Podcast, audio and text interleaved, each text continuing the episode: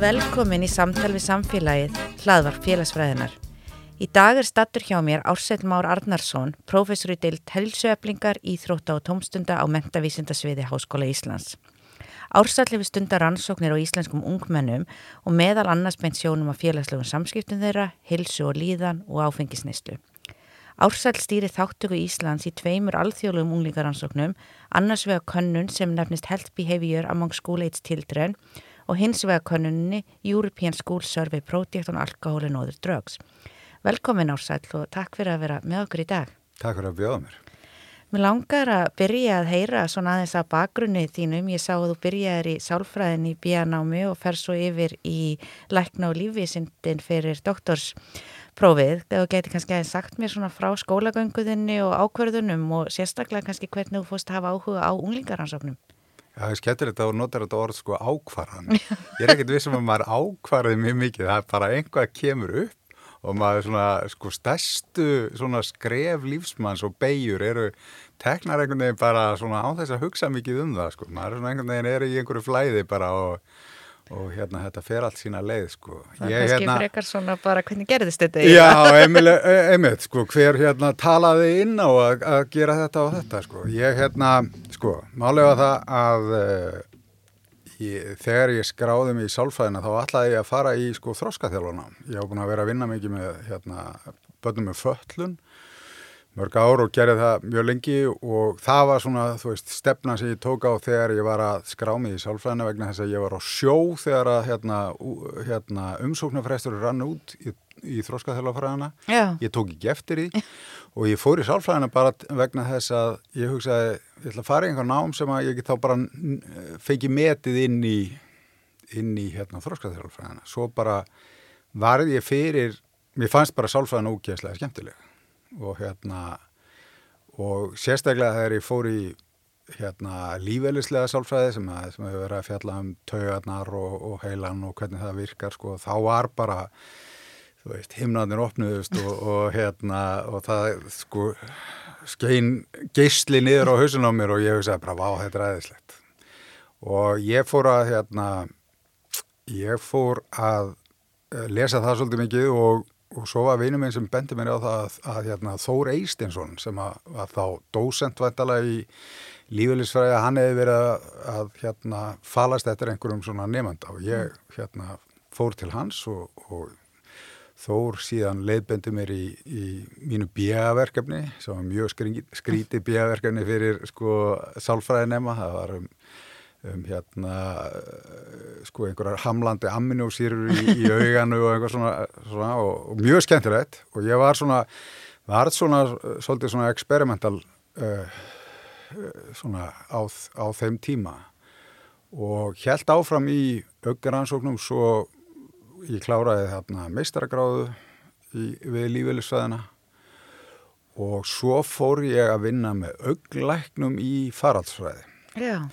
Og þá var ég eiginlega búin að ákvæða það að ég ætlaði ekkert að fara í doktorsnámið eða neitt slíkt sko, ég ætlaði bara, ég, mér hef bara rosa gaman að ég að rannsaka og kendi svolítið í lífeylisæðinni alveg frá 94 og var bara stundakennari og, en vann sko fulla vinnu í, í hjá alþjóðlegum lífeyfyrirtækjum, mm.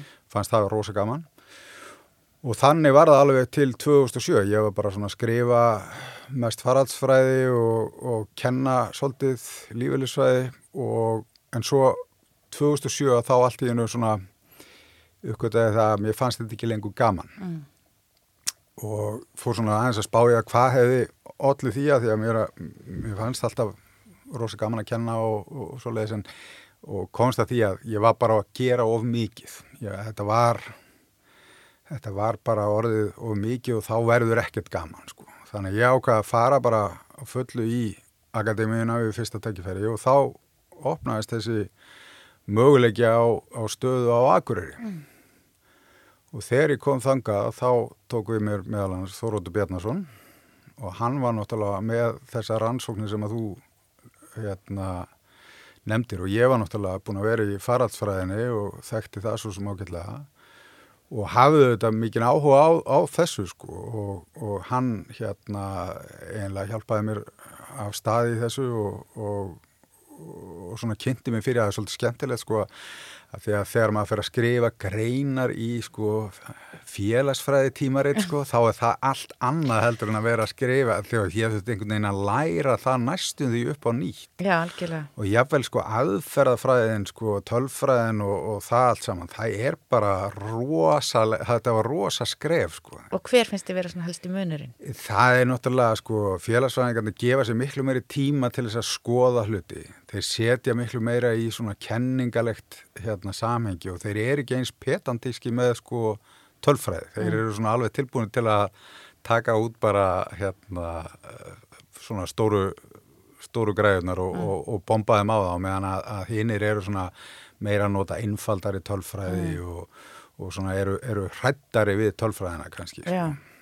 En hérna það, það, það er mjög skemmtilegt að hafa fengið tækifæri til að vera þarna á á báðum, báðum liðum sko. Þannig að, að og svo sagt, tók ég við þessum rannsóknum af Þóróti og fór að stýra þeim og, og hérna, kom svo með þær hérna, hérna söður. Já, og þú ert núna við deilt heilsöflingar íþrótt á tómstunda. Já. Og bara ég var svona veltaðins fyrir mér og um til að segja mér eins frá þeirri deilt því að við erum svona kannski vanar að heyra, þú veist, félagsfræði, sálfræði já, já. og slíkt. Já. Eh, þannig rauninu hvað er verið að skoða þar og bara hvað er námið sem þið bjóðið upp á? Já, hérna heilsuöflingin er uh, sko heilsuöflingarlutin er svona þessi, það sem var í gamla dag bara heimilisfræði kennarar, mm. uh, sko hluti af kennaranáminu þeir sem að vilja sérhafa sér í því en nú er það sko meiri áhersla á í staðan fyrir uppskriftir og hvernig maður uh, svona gerir hluti í eldúsi að þá er það orðið svona víðar að fara að taka inn svona meira hvernig kennir maður svona heilsu eblandi hegðun Já. í skólakerfunu. Og svo eru við náttúrulega með íþrótafræðina sem er gríðarlega öflug, mikil hérna, aðsókn í hana uh, og það, ég sko veit ekki alveg síðustu uh, tölur sko en, en alltaf ekki svona þref eða fjórfaldast svona á síðustu, síðustu árum sko og mjög öfluga rannsóknir það líka náttúrulega á svona heilsu hegðun í víðum skilningi. Síðan er það tónstutafræðin sem er svona mitt, uh, mitt fag hérna inni og þar er auðvitað verið að, að, hérna, að menta fólk í ekki bara svona til þess að vinna fél, í félagsmyndstöfum og svona heldur bjóða upp á þú veist, tómstundir bæði, þú veist, á enga basis í kringum ferðamennsku og svo leiðis mm. og verða að hugsa um, um aldraða og alls konar mjög víðfemt og skemmtilegt svið. Og svo eru við með sko þverfaglegt nám sem er með sálfræðinni sem í, í sem sagt hagnýtri atfyrirlisgreiningu þannig að hérna, það er nýtt. Við vorum að klára fyrsta árið núna í vor og, og er mjög spennandi og gaman að vera í þessu, svona, þessu sa samkrulli með öðrum. Já. að bjóða upp á bjóð upp á eina línu já, saman. Sem kannski er of lítið af, að við séum of lítið þerrfæli. Já, ég held að það kannski svona, er svona munurinn á því að vera í litlum háskóla eins og Akureyri. Mm. Það sem að fólk já. bara hreinlega þarf að vera þerrfælegt. Já, það eini félagsfræðingur. Já, nákvæmlega, það er bara þannig og hérna og og þú sest við bara mataborðu og þar sitja allir kennararnir í skólanum og þeir bara sjá þig og heyrðu, þú getur kannski kent fyrir mig að hérna, við þurfum að tala saman um einhverjar rannsóknir eða einhver svo leið sko. og sér náttúrulega tækifærin og það er miklu meiri blöndun sko. hér er þetta bara erfiðara af því að við erum starri Já, já, svona verðum einangrari.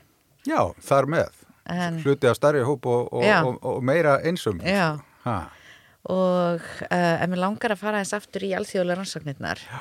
og áður en að ég fór út í doktorsnámi þá reyndar kom ég aðeins að ég vinna í ESPAT konunni og ég held að það sé einhver einn skísla sem ég var höfundur á.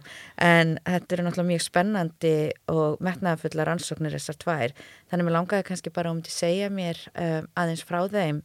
Uh, í rauninni bara hvað er verið að skoða og af hverju það er mikilvægt að vera að svona skoða ungt fólk áður um fyrir síðan kannski að tala um eitthvað á niðurstöðunum sem hafa komið úr þessum rannsóknum. Já, sko við, þetta eru eins og þú segir tvær rannsóknir og, og ESPAT eins og það skamst á að, sko, Euróska Vímöfna rannsóknin, hún er búin að vera síðan 1995. Þetta er rosalega mikið af gögnum sem að er þarna inni og, og sko Íslendingar í gegnum þórótt hafa verið með bara frá byrjun. Mm. Þannig að hérna að við erum með rosalega mikið af gögnum og þannig verið að skoða þetta fyrst og fremst svona e, neyslu á e, alls konar výmugjöfum en, en líka veist, eins og fjárhættu spil og, og netnótkun og fleira svona sem að tengis kannski svona fíkni kendri hegðun. Og svo eru þetta spurningar um svona, svona bakgrunnsbreytur og verið að reyna að, að skoða hvað hvað þætti tengjast þessu? Við til dæmis settum inn hérna spurningarleist um bjargráð Já. bara bjargráðu seglu veist, til þess að sjá hvort að það hefði einhver áhrif og hérna og sem að þá í rauninni vísar hvað mikið krakkar hafa já, já, til að berjast á móti sem að getur verið félagslu stuðningur, stuðningur á foreldrum slíkir hlutir. Já, einmitt, hvernig þú ert svona já, hvaða resursa þú hefur til þess að, að, að standa gegn svona freystingunum getur við sagt sko. Svo er það HBSC sem er svona heilsa og lífskjör skólabarna og það hefur verið í gangi síðan 1984, við byrjuðum hérna eða Þóróttur byrjaði 2006 mm. uh, og það er gríðalega stóra ansókn, ég held að það séu 55 lönd sem að taka þátt og allir leggja fyrir svona sömu basic spurningarnar á fjárara fresti á sama tíma skiljiði og, og, og hérna þetta er allt svona passað upp á þetta sé allt rétt þýtt og svo leiðis og svo höfum við svona alls konar svona vallista veist, við getum skoða til dæmis heilsulæsi, við getum skoða kynferðisleg áreitni og svo leiði sko bætt þeim við sem eru kannski ekki í svona þessum mandatóri eh, spurningum. Og svo höfum við bætt við alls konar spurningum Þannig að, en, en svo er það núna að þá eru við að gera samning við mentamálaráðanendu og félagsmálaráðanendu um það að keira svona rannsóknir á heilsu og lífskjörum skólabarna á hverju ári Já. og við ætlum að fara alveg niður í fjö, fjóraðabekk og svo ætlum við að tegja okkur alveg upp í 24 ára gamla einstaklinga. Já, frábært. Og hérna, og við erum að byrja núna Vættalega leggjum fyrir í januar eh, fyrir hópin sem hefur horfið úr framhaldsskóla sem verður mjög spennandi og, en auðvitað eins og þú gerir þér strax greið fyrir mjög erfitt að ná erfitt í að þann hóp sko. svo að vel sé sko svo að maður sé ekki að, að búa til einhvern svona bæjas í, í úrtækinu sko Já. þannig að, að það er rosa stórt verkefni sem að verður hérna í gangi og auðvitað allir þeir sem að hafa áhuga á því að gera einhvað með þau gögna þeim er mjög velkomið að, að, að hafa sambandi við okkur því að við auðvitað, komum til með að hafa alveg óheimi mikið af gögnum sem að þarf auðvitað að, að nota. Já, já, ég held að það sé svolítið svona vandamáli hér ofta á Íslandi kannski líka að þó við séum mörg hér í HÍ með að HA þá erum við náttúrulega samt alveg ofsalega að fá já. í kannski íslenska fræðarsamfélaginu Algjörlega. og við erum með rosalega mikið af gögnum og það er bara saman svo hjá okkur með þessi alþjóðlegu gögn sem við höfum verið að sapna Já. að síðan er raun allt og lítið unnið úr þeim. Já, það er alveg gegnumgangandi vandamál sko. Og oft náttúrulega líka kannski, svona, kannski auðveldar að fá peninga í gagna öflununa heldur en gagna úrvinnsluna já, já. sem er ákveði vandamál. Já, já. En svona, ef við kannski förum aðeins yfir í bara hvað þessar ansóknir hafa verið að sína og hvað þú hefur verið að skoða í þeim og uh, eins og þú segir þá náttúrulega það sem við komum inn á núna hér er kannski bara brota brota af því þeim möguleikum sem að hægt er að gera í gögnunum en hérna uh, mér langaði kannski svona að byrja bara svolítið almennt að uh, velta fyrir þessum unglingarnarsóknum áðurinn í fer yfir eitthvað sértækara um, að svona kannski um til segja svona aðeins um hvað þið finnst mikilvægast sem hefur komist út úr þessum rannsóknum uh, og þá bæði svona nýlega en líka því að það hafa náttúrulega verið í gangi svo lengi mm. og ef við mm. kannski byrjum á aðeins eins og með áfengis og výmöfna notkunni eins og sem hefur verið í gangi síðan 95. Mm. Hvað er svona stóra sem við erum að sjá sem að kemur út úr því? Já, það er náttúrulega þessi svakalega mingun í áfengisneslu sem við sjá, sjáum og ég menna uh, ég hugsa að sko það, já, það voru 1995 held ég að hafi verið 20% af íslenskum úlingum sem aldrei höfðu drukkið. Mm.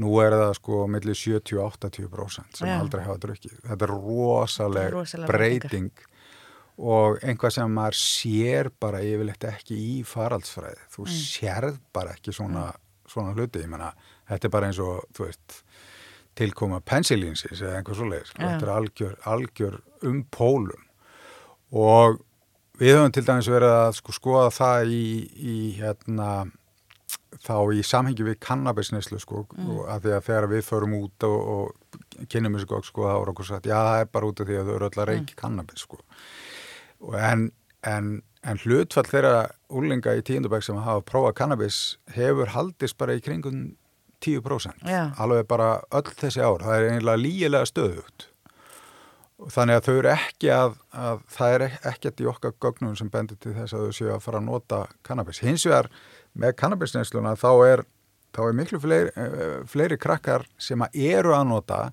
sem er að reykja mjög mikið. Já. Það er kannski áhyggjöfni, eða ekkert kannski áhyggjöfni. Það er áhyggjöfni vegna þess að sko, áhrif kannabis á, á heilan eru þetta aldurstengt. Mm. Þau eru mjög Eh, slæm geta verið mjög slæm þú veist, þegar að krakkar eru ekki svona komið með full þróska döðakjörfi og mikil neysla auðvitað hefur mjög slæm áhrif Já. þannig að, að þú veist eh, reiki kannabis einu sinni er, mm. er ólíklegt að, að, að gera nitt eh, hérna, fyrir þig í, í, yfir lengri tíma skaðið yfir, yfir lengri tíma en ef þú ert að nota kannabis oft í viku Já. og gerir það á þessum þessum aldrei að þá, þá er það mjög líklegt til þess að hafa varanlegan skada í förmæðsir. Mm. En svona, og já, og mér langar að fara aðeins aftur í eins og því þetta er náttúrulega rosalega tölur eins og með áfengisnisluna og þá náttúrulega fer það að velta fyrir þér hvað er það sem að orsakar þetta já. og kannski sem félagsfræðinga fyrir ofta að hugsa svona um stærri bara kannski samfélagslega breytingar og hvernig þetta tengist þeim já. og bara til dæmis ef ég svona velti fyrir mér, nú tel ég mér náttúrulega ekki vera mjög gamla en var náttúrulega kannski í þessum þegar flestur unglingar bara drukku en við líka kannski einhver leiti vorum fullorðni miklu fyrr já, já. og ég menn ég var 14 ára að fara að vinna 10 tíma í humri já. og þá náttúrulega bara kannski sér það við úrst að gera það þá var náttúrulega mörgulegt dært orðin fullorðin þannig að kannski svona þessar breytingar á bernskunni og unglingsárunum á Ísland heldur það hafa einhver áhrif á, á þetta? Ég held að það sé alveg, alveg á hreinu og það eru þetta þegar við vorum uh, unga þá var ekki tiltöku mál að skilur um að væri farin á sveitaböll 14 ára gammal sko sem er náttúrulega bara eins og að hleypa mann í ababúrið í dýregarðunum skilji það er bara, það er ótrúlega að, að það skulle hafa þótt vera góð hugmynd sko. En Og, og það er það skemmtilega við þetta allt saman er það að þetta er ákveðin hugafarsbreyting skiljið, þetta breytist ekki og það, mér finnst það svo áhugavert að því að við erum alltaf, við erum svo efnislega hugsandi sko, mm. alltaf þegar það er einhver vandamál, þá ætlum við alltaf að leysa það með peningum, við ætlum að setja meiri peningi þetta og þetta og þetta og þetta sko, en, en ég held að, að sko oft það sem að gerist er það bara að við förum að hugsa öðruvísi. Mm sjá eins og COVID, skilji, hvað er svona, hvernig tökust þið á við COVID? Jú, jú, bólefni mjög fín og, og allt það, sko, en aðal, sko, aðal áhrifavaldurinn í því að ná tökum á faraldrinum var samt, sko, annar hugsunháttu. Við breytum bara hefðun okkur, við kaupum, hérna, grímur sem mm. kostar tíkall, skilju, og notum þær bara, skilju, þetta er ekki, þú veist, þetta er bara hver og eitt, sko, fyrir að hugsa hlutina öðruvísi, við förum að passa betur upp á handþótt, við stöndum fjær skilji, mm. og það er það sem að gerðist með áfengistrykki úlinga, var einmitt þessi breytingi hugsanarhætti fóreldrar bara fóru að sjá það að hérna það var ekkert eðlilegt að börnið að væru blind fullum helgar mm. og eftirlitslaus Og það er það sem við sjáum sem orsakir vegna þess að við hefum verið að skoða til dæmis viðhór krakkana. Já. Þau hafa ekkert breyst. Mm. Þau eru miklu jákvæðri ganga kannabis, það er eiginlega svona helsta breytingin en það er mjög sterkur kannabis yðnaður náttúrulega sem er að íta mjög mikið á þau sko en uh, viðhóruð þeirra til áfengis hafa, hafa ekkert breyst, mm. breyst sko, þannig að, þannig að ekki til að skýra þetta sko. En hins vegar, ef þú skoðar til dæmis eftirlit foreldra, veit, mm. veit, vita foreldra hennir með hverjum þú ert á kvöldin, vitaðu hvarðu þú eru á kvöldin, hvarðu þú ert á kvöldin, mm. það hefur breyst gríðarlega. Já. Það eru, þú veist, ég held að það hafi verið hérna um 25% batna sem að sögðu að uh, foreldrar vissu aldrei hverðu væri á kvöldin, sko 95. Já. Nú er það 2%.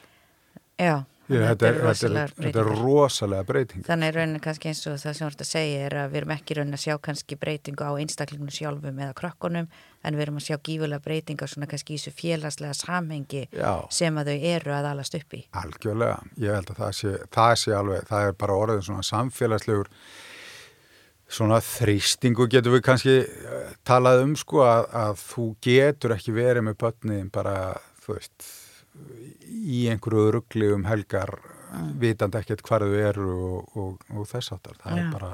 það er bara ekki það bara þykir ekki fínt lengur sko. ja. og svo auðvitað vitum við að eins og áfengisneisla og slíkt getur haft áhrif á hvern okkur líður og helsokkar og þú verður mitt skoða það aðeins líka að þarna, já, bara svona almennt að skoða andlega helsu hjá ungu fólki.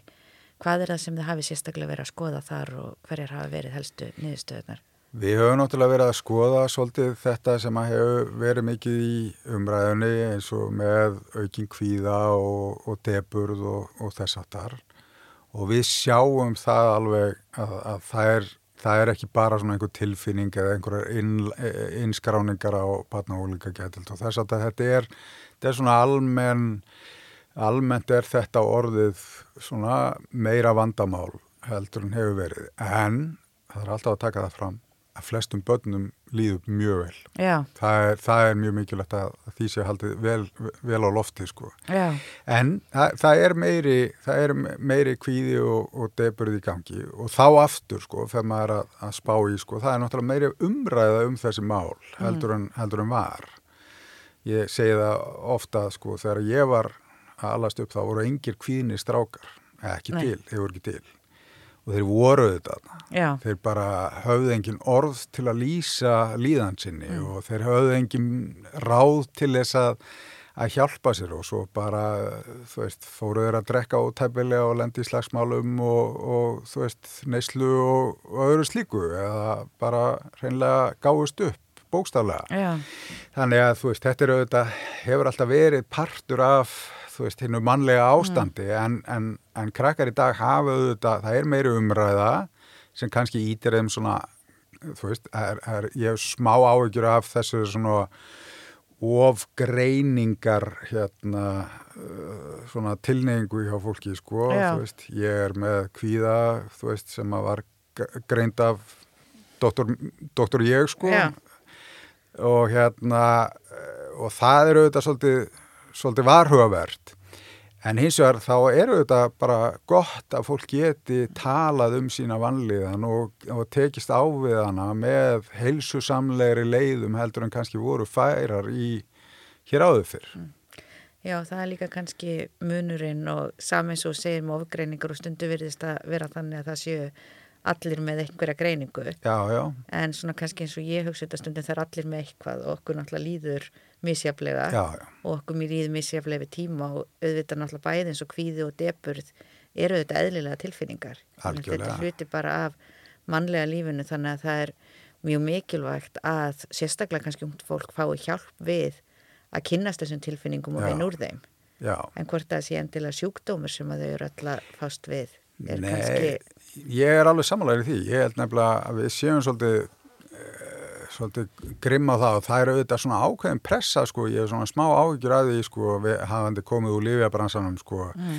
Það er auðvitað ákveðin svona fjárhagslegu kvati fyrir bæði greiningar aðeila og meðferðar aðeila til þess að, að, að, púra þetta svolítið upp sko. Veist, það er talað um að 25% fólks lendi í alvarlegri geðlægð einhver tíman á æfinni mm. sko. En þegar maður fer að spá í það sko hvað er að hinn um 75 sko. þau eru bara ekki að ná plottinu sko. þú veist, ég meina þetta endar allt með dauða og hörnum og ég meina, þú, þú veist, þú ert bara siglandi, bara blindandi niður einhverja, einhverja flúðir ef, ef þú verður ekki sko dabur yfir, yfir bara hérna mannlegu örlugum sko. þannig að, já Já, oft kannski líka hvernig við hugsaum því að þetta náttúrulega, já, bæði höfum við vitað og ég sá það náttúrulega sérstaklega eins og í bandaríkjónum þar sem Lífja fyrirtækin kannski náttúrulega enn meiri áhrif og já, svona sambandi er enn veitna en líka kannski þetta við höfum í rauninni kannski ekki er tæki annað en þessa greiningar til að einstaklingar geti fengið hjálp. Nei. Þannig við erum í rauninni ekki með einhvern veginn innbyggt til dæmis í í skólakerfi bara öllum líðistundum illa og hvað eru mismunandi leiðir sem er hægt að fá við hjálp út úr þínum kreisum nema að sé komin greining sem að þá leiðir inn í sem sagt kannski þetta formlega kerfi. Já, við erum nefnilega lendi í svona smá catch 22 sko að því að við erum búin að greina rosalega mikið af vandamálum en við höfum ekki resursin í að leysa þau mm. sko og það er miklu innfaldar að greina vandamál heldur en að leysa þau. Já, Nei, ég hugsaði þetta með hér að það kom nú einhver könnun hér hvað ætla að sé komið svona fjögur ár síðan það sem að var sko yfir 50% háskólanum á Íslandi Já. sem að voru semst með nógu, leið nógu illa til að vera með greiningu fyrir þunglindi Já. og þá færðum við að spurja þér eitthvað lífræðilega þessum krökkum mm. eða er eitthvað í skólakerfinu, er eitthvað í kröfunum ónt fólk, Já. er eitthvað í samfélaginu sem að er að orsaka þessa vannlíðan sem að við kannski þurfum að vera velta fyrir okkur fyrir eitthvað en kannski að setja þau öll á lif Já, það er náttúrulega, sko ég held að þetta tengis náttúrulega mjög svona félagsfræðilegu fyrirbæri sem er þessi samanbörð, við erum náttúrulega samanbörðar skeppnur, sko. Já. Við erum alltaf að bera okkur saman, okkar stöðu við þá sem að standa okkur næst og hérna áður fyrir þá var það bara Siggi og Dutti sem að byggja á næsta bæ, sko og þú þurftir að lappa í klukkutíma til þess að hitta þá, sko. En nú er, þú veist, samanbörðurinn er náttúrulega við allt liðið sem við erum með á Facebook og mm. Instagram og, og, og, og er að sína okkur svona hvað hlutinir eru frábærir hjá þeim og það gerir okkur, ég held mjög ómeðvitað sko, svolítið stressuð yfir okkar eigin svona auðmyggjadómi sko sem við, sem við upplifum, skiljiði. Að því að við erum alltaf að bera saman sko okkar innra líf við yfirborði líf annara ég er með þig á Facebook og ég er alltaf að hugsa rosalega er hún, segur hún duglega að ganga öll þessi fjöllmaður ha, ég þannig að fara að gera eitthvað í mínum málum sko ha, en, en þú veist það er bara vegna þess að, að þú veist ég fæ myndir af, af, af þér í, í fjallgöngum ja. sko, ég veit ekkert hvað kannski ertu bara að borða að leys snakk sko þess á milli, skilur þú veist, hvað veit ég? Já, þú fær glansmyndin ég fær glansmyndin alltaf, sko. líka svolítið að hugsa ég menna eins og bara, þú veist, ég menna ég hef upplifað kannski að vera einn heim á föstudagskvöldi og svo já. það er allir úti já, að gera eitthvað skemmtilegt.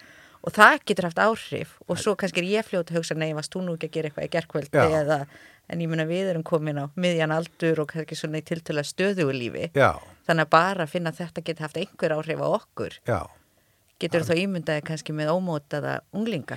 Algjörlega, því að unglingsárin eru náttúrulega, þá ert að færa þið frá náttúrulega sko svona tengslónum við fóreldrarna, bara eðlilegur unglingur, hann svona fer að slíta sig frá fóreldrarnum og fer að leita inn í sko félagahópin og auðvitað bera sig saman og það er náttúrulega, við erum svo svakaleg sko hóp við erum svo mikil hóp dýr veist, það skipt, hefur alltaf skipt mannfólki svo rosalegu máli, það er ekki sko spurningum að líða vel, mm. það er bara spurningum að lifa af ja. að tilhöra hópnum ef að hópurinn jaðarsetur því þá ertu bara dauður, mm. skilur hérna í, í svona þrónafræðilegu samhengi sko, hann að við erum einhvern veginn gýruð inn á það vilja aðlagast hópnum og við erum alltaf sérstaklega í þessu svona rofi við foreldrana og útrás í, í, í, út í lífið í raun og veru, þá erum við náttúrulega alltaf að, að, að spá í það hvernig stöndum við gagvart hópnum og hópurinn er svona svo stór já. skiljið. Þetta er bara heimur í mjög erlend áhrifavaldi hvað þeir eru að gera. Já, þú ert, þú ert bara í tengslum við eitthvað fólk sem að þú veist, þú er aldrei séð sko í raun og veru. En svo komið núna bara hjá krökkum að bara framtíðadröymurinn er vera YouTube-stjarnar. Já það er bara þannig, það vil engi vera fókbóltamaður eða konaðan eitt svolítið, það er bara YouTube En þú veist að tala um um hópin og svona félagslega kannski einangrun eða svona tilheyr ekki og Já. það er kannski svona Já, svona kannski öfgafylsta dæmum það er náttúrulega eins og bara lendi í einelti og fyrir Já. krakka að lenda í einelti sem að getur náttúrulega haft mjög langvarandi neikvæðar afleiðingar og allt þeirra líf og heilsu og því hafa eins verið að skoða þetta hér í Íslandi. Hvað er það sem að það, þær ansóknir hafa sínt? Við höfum náttúrulega skoða þetta í mörgum greinum sko, þannig að, að hérna, það er endalust hægt að tala um einelti og, og skadaleg áhrif þess. Kanski ein grein sem við Þóróttur skrifum saman sem er, er svolítið sérstoka því að við vorum náttúrulega, við erum með mjög lítið einelti á Íslandi. Það er mjög, mjög lítið einelti á Íslandi með að við önnulönd. Já. Það er um 4% krakka hérna sem að lenda í svona alvarlegu einelti á meðan að það er 25% í Búlgaríu til dæmis.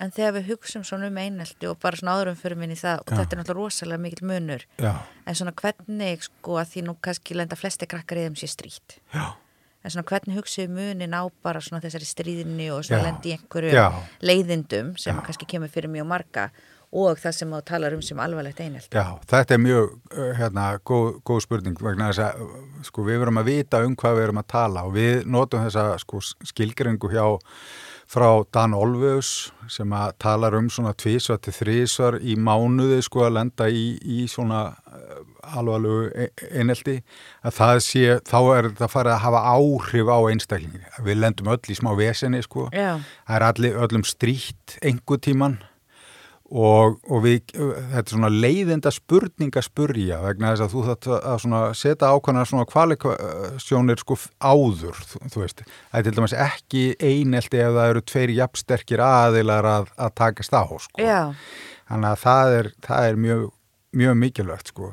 En það er svolítið áhugavert sko með þessa rannsók sem við gerðum að sko við vorum alltaf að horfa á þetta, þetta, þetta lítið svo vel út á Íslandi, það er svo lítið einaldi en svo vorum við alltaf að heyra sko þessi alvarlegu sko dæmið það sem að ungi krakkar voru að, að taka í líf og, og, og þess áttar og, og svona við vorum aðeins að spá í það sko hvort það geti verið þannig að, að sko það væri afleðingarna væru verri. Mm, að það væru færri já, sem að lendu í einhildi að því að það er svona sko freg, ennþá meiri jaðarsetning já, ekki því sagt að þá ertu kannski bara sá eini Já. í staðin fyrir að þú sért að sjá þetta eins og þú sagði náttúrulega með samanbyrðin, við erum Já, alltaf að bera okkur já, saman. Já, þú veist, ef þú ert í Búlgari og þú ert laður í einhelti en sko í 20 manna bekka þá eru fimm, fimm aðrir sem að eru líka laður í Já. einhelti en ef þú ert á Íslandi þá ertu kannski bara eini krakkin í bekknum sem er laður í einhelti Já. af því að þú veist, það er mjög sjálfgeft Já, og þá er það miklu, miklu, miklu verra kannski heldur en,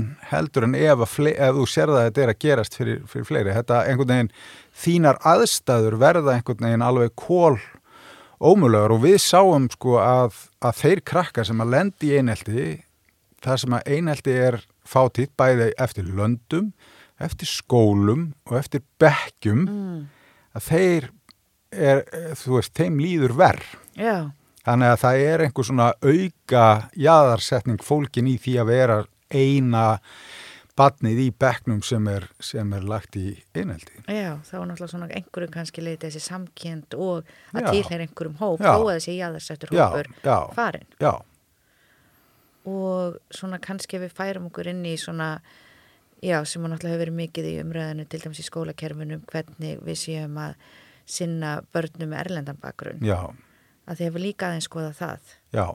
og hvað hefur það sínt? Ég, það er auðvitað svona, það eru bara svona usual suspects af bakgrunnsbreytum sem að sko gera það verkum að, að krakkar koma verð út. Það Já. er erlendu bakgrunnur, það er fjárastæða fóreldra, það er sagt eh, einstæðir fóreldrar versus sko pör. Þetta, þetta er bara þessi venjulegu þetta er svona næstu því leiðinlega sko konsistent sko. Já. og sko krakkar af Erlendu bergi, þau eru reyndar þau koma misjaflega út veist, sum þeirra koma þokkalega út en, en þetta er ákveðið vandamál. Og kannski skýrist það af því að Ísland er svo svona high context samfélag skilur, það er einhvern veginn það er ekkert mikið skrifa niður hérna, við höfum ekkert mjög sterkar svona leiðir svona sem þú ferð bara, þú ert, það, það er þetta sem þú þart og, og þá ferðu þessa leið sko, Mm. þetta er allt einhvern veginn, þú þarft að þekka einhvern og Við bara vitum hvernig þetta virkar. algjörlega, það er bara þannig sko og það er auðvitað sko, er mjög erfitt að vera með annan bakgrunn í svoleiðis samfélagi og, og hérna og alls konar svona skrítni hlutir sem að verða mjög erfiðir þú veist, a- a- öll þessi foreldra samskipti til dæmis, hvaða upplýsingar ert að fá, þú veist, þú kannski þekkir enga foreldra skilur persónulega, þú kannski átt erfitt með að halda upp í samræðum við aðra foreldra og þá einhvern veginn líður barnið þitt fyrir það. Það er líka það sem ég hef miklar ágjur á til dæmis í heimanámi, sko. Við leggjum rosa mikla áherslu á heimanám. Ég meina, ef þú hefur ekki sko, íslensku þekkinguna, hva, hvernig ætlar að hjálpa barninu þínu? Þannig að við erum að búa til svona ákveðin ákveðin svona disadvantage fyrir þessa krakka, sko. Já, bara kerfi sjálft Já, að kerfislægt, innbyggt, sko, já. já, já, og, og svo auðvitað, auðvitað þetta, ég meina, þú veist, öll íþrótta starfsemi og svona gengur rosalega mikið út á fóraldra hérna samstarfi og geta lesið öll skilabóðin sem er í gangi og svo framvegis, sko. Já, Þannig að það, það, við þurfum að gera miklu betur. já. Og hvað er það sem við getum gert? Ég held að við þurfum náttúrulega bara að nota þessi svona stóru jöfnunartæki í, í samfélaginu, mentakerfið og heilbriðiskerfið til þess að, að sko gera ráð fyrir uh, þessum krökkum og reyna að svona jafna aðstöðuna þar. Og svo þurfum við svona sem einstaklingar líka bara að hugsa sko hver, hvað er ég að gera sem að gæti verið að búa til hindranir fyrir, fyrir fólk sem er að reyna að samlagast þessu samfélagi. Veist, og það held ég að sé rosalega væri frábær hugsun að ná fram vegna þess að mikið af þessu fóreldrasamstarfi nú að í fjögubötnu hafa verið í þessu mjög lengi sko þessu svona fóreldrasamstarfi og þetta er svona sko þetta er svona keppni millistéttarinnar. Veist þetta er keppnisgrein millistéttarinnar. Hún tekið mjög alvarlega. Og þetta byrjar alveg í leikskólanum það sem er verið að búa til eitthvað svona þú veist, það er gulur dagur á morgun, skilju, og þá er allir að mæti gulu, ég á ekkert gullt, skilju, barnið mitt hefur aldrei gengið í gulu, gulur er ekkert sérstaklega góðu litur, skilju, það fer mjög fáum vel, sko. En þú veist, og þá náttúrulega hlaupa allir til sem að hafa pening og tíma til þess, til þess að vesla einhverja, einhvað gullt á, á barnið, sko, en hinn er bara að sitja eftir, sko og svo er það, þú veist, eins og í íþróttunum sem að eru þetta líka stórkoslegt í öfnuna tæki, þú veist, margir við þekkjum alveg sögurnar, hetju sögurnar af þú veist, hérna þeim sem að koma frá erfiðum bakgrunni og unnu sér upp í gegnum ég meina Markus Rashford hérna í enska landsljónu til dæmis nýjasta dæmið En þá erum við að búa til, sko, þú veist, einhverjar keppnir, einhver mót, skilur það sem þú þarft helst að eiga, sko, fellihísi og þú þarft að geta eitt, sko, öllu su sumarfríinu í, í þetta og hérna, og, þú veist, við erum alltaf að búa til einhver svona auka vandamál fyrir þá sem að, sko, standa höllum fæti. Ég meina, þú veist, e, íþróttir eru bara fínar per se, ég meina, þú veist, ef ef þú leifir krökkum bara að, að leika sér með bolta, þá, þá bara gera þau það, þú veist, það þarf ekkit endilega að vera, sko, þú veist, að fara á einhver mót til þess að borga upp einhvað íþróttafélag út á landi, skilur, Mhm. þú veist, mókin peningum inn í einhverja kassa, skilur, gerum þetta bara einfalt, já, þú veist, gerum, hugsum þetta af hverju eru við að þessu, við erum ekki að þessu til þess að að við getum hérna farið í millistjættar hérna keppnina um það hver kemur á flottasta landkrúsurnum og hver á flottasta fellihísi. Svo við kleimum því, raunum aðeins að taka hausin út úr okkar eigin óæðri enda og gera þetta, þú veist, hugsa þetta út, þú veist, af hverju er þetta mikilvægt? Þetta er mikilvægt til þess að krakkarnir kynnist, þetta er mikilvægt til þess að þau reyfi sig og hafi gaman og, og þú veist, séu svolítið svona frjáls og, og, og þess að það er það sem skiptir máli. já. og það hefur einmitt svona kannski tengt þess að vera svona frjáls og slikt, þá eru líka verið að skoða núna nýlega bara í rannsóknum um að hvað krakkar séu mikið úti Já. og tengt það félagslegum samskiptum mér finnst það svolítið áhugavert að svona kannski þessi pælingu um af hverju er verið að skoða það, af hverju er mikilvægt að skoða það á Íslandi í dag að Já. vera úti því að svona þegar ég hugsa til minnabarna sko þá vorum við alltaf meira minn úti Já, já. þannig að hvað er það svona sem er pælingin það Já, þetta er hérna, kemur frá honum Jakobi hérna Þorstensinni sem er mikill áhuga maður um, um, um útiveru og ég held að, að það, það sé, ég svona hef, svona hann kveikti þetta, þennan áhuga hjá mér og ég held að þetta sé mjög mikilvægt bara til dæmis eins og þú veist, í allir kennslu, þú veist, hugsaði hvað við erum rosalega einhvað sko við erum að ganga í, í sko almennir í barnaskóla kjenslu, þá erum við að ganga gegn svo mörgu sem að bæði, þú veist, vísindir hafa sagt og við vitum innra með okkur. Það er ekkit eðlilegt að einhver krakki siti allan daginn á einhverjum stól í einhverju frekar loftlausu ef ekki mikluðu sko hérna umhverfi og bara sé lokaður inn einhverjum, innan einhverja fjögra vekja hann má ekki standa upp, hann má ekki hérna, fara á klósetti nema fá, fá leifir. Þetta er náttúrulega ekki mjög náttúrulegt. Nei. En að Rousseau hefði aldrei kvittað upp á þetta sko. Og þá, sko, það er líka bara, þú veist, sko, þú veist, þegar maður fer út með krakka að þá bæði, sko, þú veist, bara mín gamla, sko, mína gamlu pælingar um, sko, augnheilsu til dæmis, bara, þú veist, að, að nota fjarsjónina, skilji, að, að fjarsjónin þroskist, að, þú veist, að, að, veist, að ganga og hlaupa á ójöfnu yfirborði, sko, styrkir rosalega mikið ökla og, og alls konar svona hluti og bara fríska loftið og, og einhvern veginn svona aðeins að að lifta krökkunum út úr, þú veist, ekki að loka þau inn í þessum kassa. Ég held að við myndum ná miklu meiri árangri ef við gerum það. Hafandi sagt það, þá ger ég mig grein fyrir því að það er, væri mikið álag fyrir kennara. Mm. Þetta er miklu meira álag fyrir kennara að vera með krakkana úti, þú veist, bæði bara að, þú veist, passaði að engi sé bara, þú veist, dottin í skurð, sko. Já.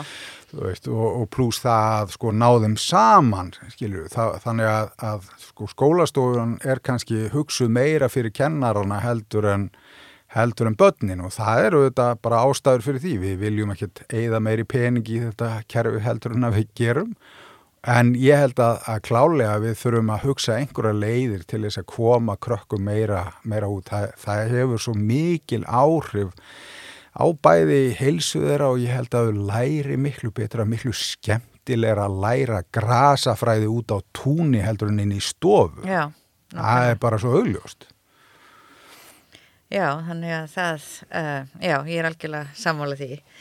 En mér langar svona kannski aðeins að skiptum gýr því ég sá svona tvent sem að kannski tengist ekki unglingum, að kannski tengist mm. unglingum. Ég vissi ekki alveg hvað var en ég sá að þú gafst út bók uh, síðustu ár sálarinnar árið 2016 og en svo bók var ég með tilnæm til viðkenningar hagþengist það sama ár og svona af titlinu þá bara vissi ég ekki alveg um hvað þessi bók var eða hvað varst að gera þannig að Nei. þú væri kannski til í að segja mér aðeins frá því Já, þetta, þetta svona hugmyndi kviknaði kannski, ég hef búin að reynda að ganga um með þessa hugmynd mjög lengi, ég held að ég hafi verið 25 ára að skrifa þessa bók sko.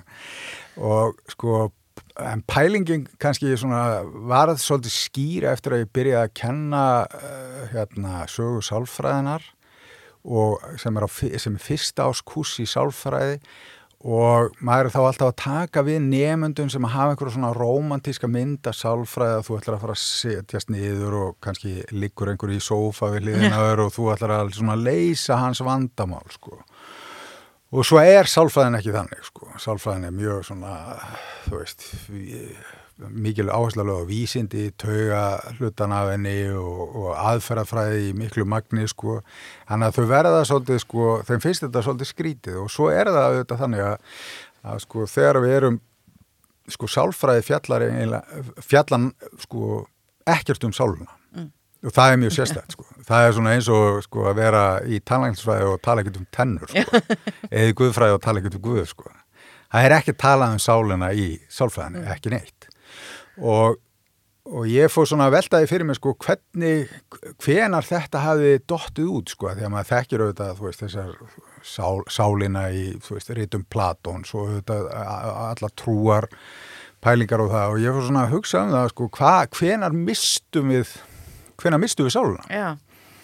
og það gerist auðvitað í sko svona með kannski ekki endurreysninni en svona í kjölfar endurreysnarinnar og, og þeir eru komað svona einstaklingum eins og Komt og Skinner og svona þá eru þeir sko, þá er sko Skinner gengur sko eiginlega skrefið lengra hann, það er ekki bara sálin er ekki til sko heldur bara hugurinn er ekki til mm. það er bara hegðun Já. það er bara einhver svona lífræðilegt kerfi og hegðun mm og ég fór svona bara veltaði fyrir mig þú veist, e, höfum við ekki sko mist einhvað með því að glata sálinni, því að þú veist, fyrir mér er það augljós svona, ég hef það augljóst tilfinninguna að við höfum sál. Einhvað yeah. svona sem er, veist ekki bara personleiki, einhver heg, hegðunarmynstur það er einhver, einhver sál sem, a, sem, sem er hérna sem er mjög skemmtilegt fyrirbæri. Og mér finnst svona sálfræðin eiginlega að taka svolítið nýður að við erum ekki að að svona treysta sér í þessa, þessa pælingu sko. mm. hvað er þú veist, hvað er hvað er manneskjan, hvað er veist, mannleg tilvist svona, veist, svona meiri svona, svona kannski andlegar pælingar sko, sem, a, sem að mér finnst einhvern veginn og ég held að sko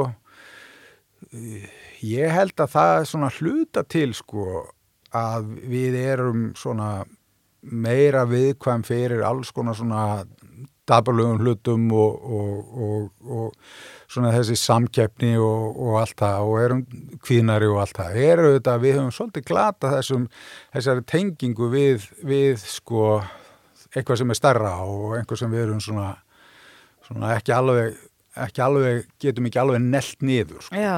Það er svona tilgangin Já. til dæmis Já. sem er þá antala partur af svona sálinni sko, tilgangur og merking og allt þetta sko. Já.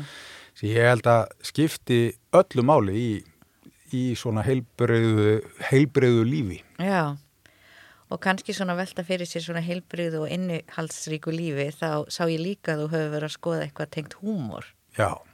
Og við veitum náttúrulega kannski öllu að telja það sínum mjög mikilvægt að það er fátt kannski sem að svona lætur okkur líða betur heldur en að gleyðjast og hlæja. Já, það er, það er gaman að því sko. Við erum hérna, þetta er, ég er að skrifa núna, við gerðum gerðum hérna þryggjabóka samning við hérna fyrirtæki sem heitir De Gruyter og hérna og ef, þetta eru bækur sem, sem að koma út á ennsku væntanlega ef, ef allt gengur upp. Og það er hérna vinnu minn Giorgio Barcello sem er, er hérna er að skrifa þetta með mér. Og við erum að skoða tengslinn á milli húmor og grimdar Já. Og hérna að því að sko þegar maður fyrir að spá svolítið í þetta þá er, þá er alltaf, ef að brandari er sannlega fyndin, þá er hann alltaf svolítið grimmur líka. Já. Maður getur alveg verið grimmu við annað fólk, maður getur líka verið sko stundum með maður sko fyndi með því að vera svolítið grimmu við sjálf hans. Sko, já, sjálfsæðinni mjög svona. Já, og náttúrulega tekinn kannski sem kostur að geta gert grína sjálfur sér Jú, upp að ákveðnum marki. Upp að ákveðnum marki sem er mjög áhugavert sko því að við þekkjum bæði svona fólk sem að gengur of langt í sjálfsæðinni mm. eða ekki, svona sjálfsæðinni sem að verður bara svolítið óþægileg sko.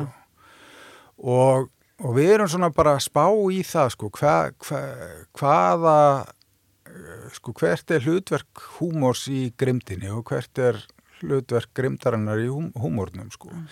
Því að svo eru við líka að skoða til dæmis eins og uh, þú veist, verður fyrir einhverjum erfiðum svona grimmilegum örlögum, þú veist, krabba með sjúklingar sko.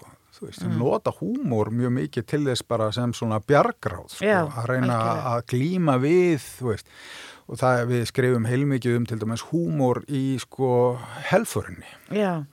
Það var, var rosa sérstakur svona húmor sem að gýðingarnir nótuðu til þess bara að, að reyna að sko hugsanlega að sko, for, sko forma hlutina einhvern veginn öðruvísi sko og það yeah. verður svona kaltæðin svolítið húmor og hérna og mjög, mjög áhugaverður sko og þetta auðvitað tengist þetta til dæmis eins og eineltinu eineltið yeah. eru auðvitað oft sko framkvæmt undir því yfirskinni að þú sért að þú sért að vera fyndin bara Já. á annara kostna og, og, og auðvitað Me Too líka náttúrulega kemur mjög stert inn í þetta sko, þú veist, þessi nú eru allir, allir hérna nú eru allir sko hérna svona stand-up comics að að að segja það sama og, og, og þessi leiðanda gaurar eru búin að vera að segja í hérna öll þessi ár sko, má ekki segja neitt lengur Já, skilur, veist, má ekkit segja allir, allir svo viðkvæmir sko. Þetta, er, þetta, er, þetta er svona áhugaverð pæling sko. og líka kannski að sumuleiti hvernig grín er einmitt oft nota kannski til að særa eða halda hópum niðri. Já, því að það er svo erfitt sko í rauninni þegar þú kannski kallar einhvern út eða sem segir bara þú veist þetta er ekki lægi já, að þá er svo auðvöld að segja að þetta var bara grín. Já, og þá er einstaklingurinn orðin og viðkvæmur að geta bara ekki tekið gríni. Já, já. Ég var bara grínast. Já, og það er svona einhvern veginn tekur þú veist bara Já, allt í, já, allt í burtu og þú veist hér þig. kannski var ég bara búin að setja niður þú veist allar konur á Íslandi en þetta var bara grín þannig að það hefur enga merkingu. Það fríjar þig algjörlega. Já, og það er mjög áhugavert sko, ég las hérna mjög skemmtilega bók hérna, eftir Henry Bergson hérna franskan hensbygging og hann einmitt sko segir að húmórin er oft sko til þess að gera sko er oft til þess að normalisera hegðun já, að við notum hana til þess sem leiðbynningu um það hvernig þú átt og átt ekki að hegða þér. Og það er svona lendir fólk sem að er, er, svona, hefur sérkenni einhver oftar í því að við séum að sko að reyna að, að við erum að reyna að íta þeim, skilju, þú mátt ekki vera þú, mátt, þú veist, þú mátt ekki vera of gay, þú mátt ekki vera of þungur, þú mátt ekki vera of mikið, sko, þú veist, ef þú ert með föllum, þá helst að bara vera heima hjá þér, þú veist, einhvers staðar í burtu frá okkur, sko. Og, og það er svolítið skemmtilegt vegna þess að sko, þeir sem hafa atvinnaði að vera fyndnir, sko, þeir vilja oft meina að þeir séu svolítið að sprengja upp samfélagið og, og sprengja upp umræðina og séu svolítið svona sko, edgy sko, já, en í raun og veru þá eru þeir bara sko, þeir eru bara sko útkastarar samfélagsins skiljiði. Það, þeir eru, það, er, er okkur hvernig við eigum að vera og já, hvernig við eigum ekki að já, vera já, þú veist, af hverju, þú veist, af hverju er búið að vera að gera grín í gegnum tíðina fólki með, með þróskahömlun, af, af, af gay fólki, skilur. Það, er, það er ekki vegna þess að þeir séu svo edgy, skilur, Nei. það er bara vegna þess að þeir eru hliðverðir hinn síðaða samfélag, Já. sko. Það, það, það, það er, finnst það svona áhugaverð niðurstað. Já, og þá auðvitað eins og hefur verið að gera stöðut núna síðustu áru og áratví og auðvitað alltaf fleiri og fleiri kannski hópar að fá rödd í samfélaginu Já, að því mun auðvitað var það kannski þannig að það var bara svona mjög ákveðnir einstaklingar sem að voru með rödd. Já, og núna náttúrulega ertu komin með já, náttúrulega bara og ég held náttúrulega við öll eða svona flest allavega erum sammálum það að það eiga allir að vera jafnir, óháð öllum þeim þáttum sem að geta einkend okkur. En þá kemur kannski svona þessi viðspyrna eins og segir að það má ekki lengur það má Já, ekki lengur, það nei, má ekki gera grína nei, nei, það má ekki gera grína þessu sem að þú veist við gerðum þegar við vorum svo edgy. Já, já, algjörlega. Og þetta er ekkit edgy, sko. Þetta er ekkit edgy, þetta er bara lumbra á minni máttar, sko. Já. Þetta er bara gamla, sko, skúljart búlíðing, sko. Já, nákvæmlega. Geta öðru sig. og þá kannski og þegar þú talar svona um skólan aftur þá kannski svona í lokin langa með að koma aðeins aftur af unglingaransóknum það, það er nú svona stæðsta sviði en kannski bara svona setja aðeins í stærra samhengi og nú erum við náttúrulega búin að læra helling á því að vera með þessar ansóknir í áratugi og svona kannski við hugsum hvar við stöndum núna 2021 að hvað er svona mikilvægsta sem við höfum lært og við höfum auðvitað komið kannski inn á hluta því en líka svona hvað þú sér fyrir þér að eru kannski stóru áskoranirnar bæði í rannsóknarsamfélaginu um hvað við þurfum að vera að skoða varðandi ungt fólk næstu ára og áratugji og auðvitað líka í stefnu, mótun og hvernig samfélag við viljum búa ungu fólki. Mm Já, þetta er, þetta er risa spurning. Ég held að sko það sem að við getum lært af sko, það er auðvitað sko, það er náttúrulega það sem við sjáum er auðvitað gríðarlega breytt umhverfi. Það er náttúrulega skiljið, við, við heldum að við værum að vi- upplifa einhverja sko rosa spennandi tíma þegar við vorum ung sko en það er náttúrulega bara grín með með sko þróunina sem að er búin að vera á síðustu árum Þannig að þetta er einhvern veginn, við verðum, sko, ég held að, sko, fyrsta sem við verðum að gera er, er auðvitað, við verðum að vera á tánum með það að, sko, að halda utanum hvað er, hvað er í gangi sko. ég fór á TikTok sko, til þess bara að vera, vita einhvað ég skráði mér á reyndar af eftir smá tíma þetta var alveg þetta ég skil ekki TikTok og svo hefur mér verið sagt það sem ég skilinlegt ég skil ekki TikTok því að ég er að verða 50 já þetta er bara það er bara hort svona bara auðvitað skilir þú ekki TikTok. Nei en það var gaman að fara að þinn og, og, og svona sjá þú veist hvað hva, hva er í gangi og við þurfum svolítið sko ég held að þessi miklu meiri krafa á výstamenn núna að veist, við verðum bara að vera með svolítið puttan á púlsinum skiluru, ég get ekki verið að sko nota einhverja spurningar og öðrum rannsókn, ég verð að vera svolítið te í tengslum við feltið við aldurshópin minn til þess að, að sko vita hvað er í gangi. Ja. og það verður alltaf erfiðar og, og, og erfiðara. Og svo held ég að sko að kannski helst að eh, svona challenge verður sko, já, sem að hefur svo sem alltaf verið, sko, heilsa svona í breyðum skilningi, sko, bæði og kannski kannski að hluta til ég held að, að sko að hluta til þá hafi verið vangreind vanlíðan meðal, meðal batna og ólinga í gegnum, mm. gegnum tíðina bara, fólk gegnum þeim bara burðaðist með þetta með þetta sjálft og ég held að það sem við þurfum að gera er náttúrulega kannski að fara meira í sko að skoða intervention sko, þú veist, ingripp sem að, og skoða áhrif þeirra. Vegna þess að það er, sko, við erum að búa til tölur mikið mm. og, og það, við gerum það vel. Svo erum við með ingripp, einhverja meðferður og svo leiðis, það er minna það er minna vitað um, um ingrippin og ég til dæmis eh, af sko eineltis inngripum sko, það er alltaf verið að tala um sko þegar eineltis umræðan er svona hæðum eftir einhverja ræðilega atbyrði sko þá kemur alltaf þessi pælingi að vera að gera einhvað Já. það er ekki rétt, það þarf ekki að gera eitthvað. Það þarf að gera eitthvað sem virkar. Já.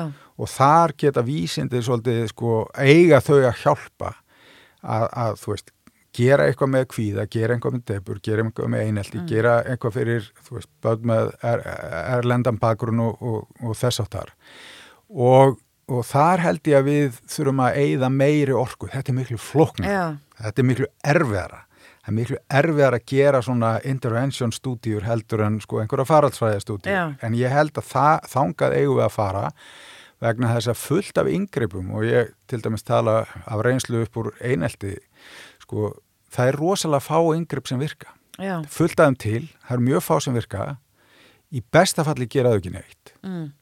í vestafalli þá getur það valdið meiri skada veist, við förum inn með fullt af góðum hugmyndum sko, ætlum að gera vel en í raun og veru þá skoðum við meira heldur en gerum gagn. Já. og þetta þurfum við að takast á við og, og vera með meðvituð í, í vístaheiminum sko Já, ég held að það séu bara glæsileg loka orð, þannig að kæra þakki fyrir að vera með mér hér í dag. Takk fyrir að bjóða mér. Og kæra hlakki fyrir að hlusta.